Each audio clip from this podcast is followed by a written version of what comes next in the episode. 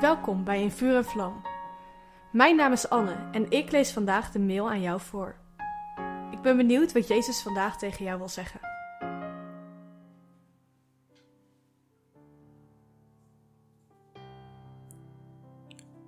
In Marcus 16, vers 15 zegt Jezus: Predik het evangelie aan alle schepselen.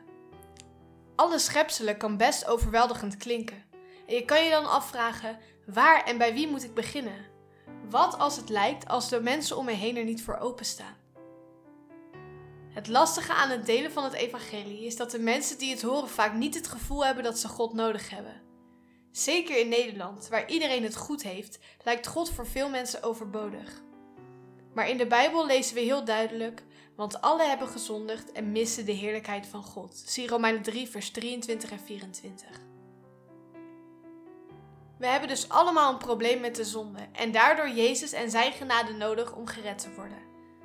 En daarom hoeven we niet te wachten tot mensen naar de kerk komen, maar mogen we als kerk naar de mensen gaan. Lees eens in Johannes 4, vers 35.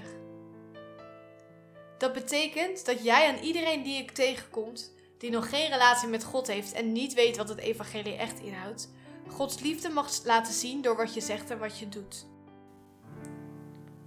Je kunt bij evangelisatie misschien denken dat het alleen maar iets is waar je de straat op gaat en vreemden aanspreekt.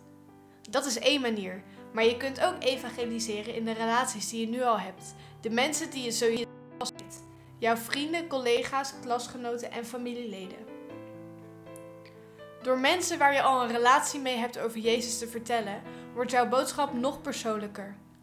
Door de relatie die je hebt is er geen druk om iemand in één gesprek te moeten bekeren.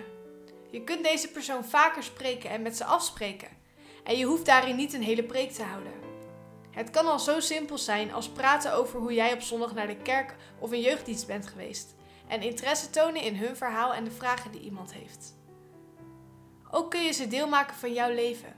Neem ze bijvoorbeeld mee naar de kerk, een jeugdgroep, kring of een alfa-cursus. Je kunt dit beginnen door gewoon aan God te vragen welke mensen Hij op dit moment op je hart legt. Dan kun je voor die mensen bidden en Gods liefde met hen delen, in woord en in daad.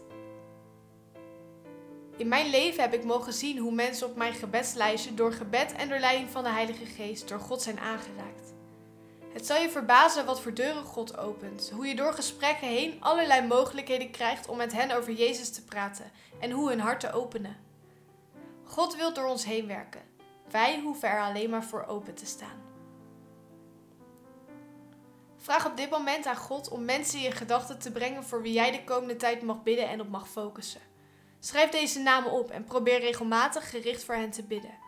Bid dat de Heilige Geest hun leven aanraakt en je mogelijkheden krijgt om van Jezus te delen.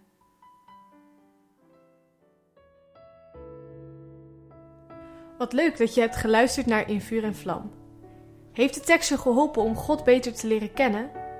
Deel In Vuur en Vlam dan met je vrienden. Meld ze aan op streef.nl slash in vuur en vlam.